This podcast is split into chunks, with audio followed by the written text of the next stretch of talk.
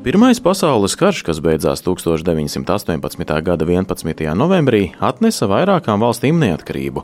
Lielie ģeopolitiskie pārmaiņu vēji radīja labvēlīgu augstu neatkarības idejām, kuras arī centās izmantot vairāku tautu patrioti.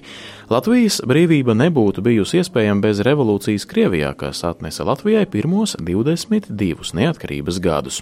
Pēc tam, kad 1918. gada 18. novembrī tika proklamēta Latvijas neatkarība, cepures līksmības gaisotnē vēl gaisā mest nevarēja. Tautu un jauno valsti gaidīja milzīgi pārbaudījumi, jeb brīvības karš, kas tad arī noteica, būs iespējama Latvijas pastāvēšana vai nē.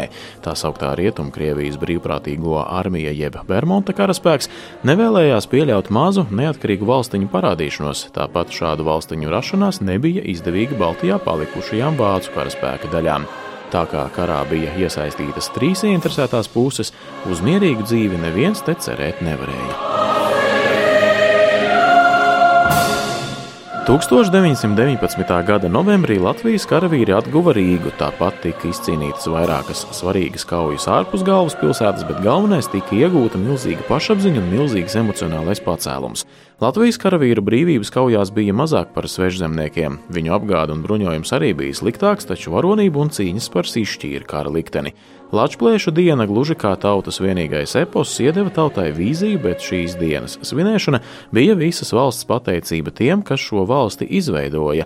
Tie bija visi tie patrioti, kuri netrīcēja nāves priekšā, bet darīja visu nepieciešamo, lai karoga mastā lepni plīvotu sarkanbaltsarkanais Latvijas karoks.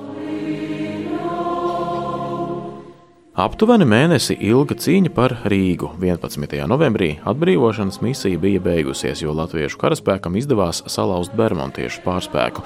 Interesanti, ka pirmajā gadā Latviešu dienu nesvinēja kā brīvības cīņu uzvaras dienu. 1919. gadā godināti tika Latvijas armijas karavīri, strēlnieku pulka karavīri un arī ārzemnieki, kas piepalīdzēja. Tikai nākamajā gadā par nopelniem apbalvoja jau masveidā. Jauno ordeni saņēma 288 brīvības cīņu dalībnieki, bet laikam ejot, 11. novembri pārsauc par armijas, Latviešu kara ordeņa kavalieru, kara invalīdu un brīvības kara dalībnieku svētkiem bet par mūsu laika izpratni esošu Latviešu dienu to sāka saukt 1988. gadā. Padomju laikos tādas Latviešu dienas, protams, nebija. Savukārt 88. gadā to uzdrošinājās atcerēties paši drosmīgākie. Cilvēki pirmo reizi nolika piemiņas svecītes pie Rīgas pils, bet gadu vēlāk, 1989. gadā, Latvijas Tautas fronte un Latvijas Nacionālās neatkarības kustība oficiāli ieviesa 11. novembri kā Latviešu dienu.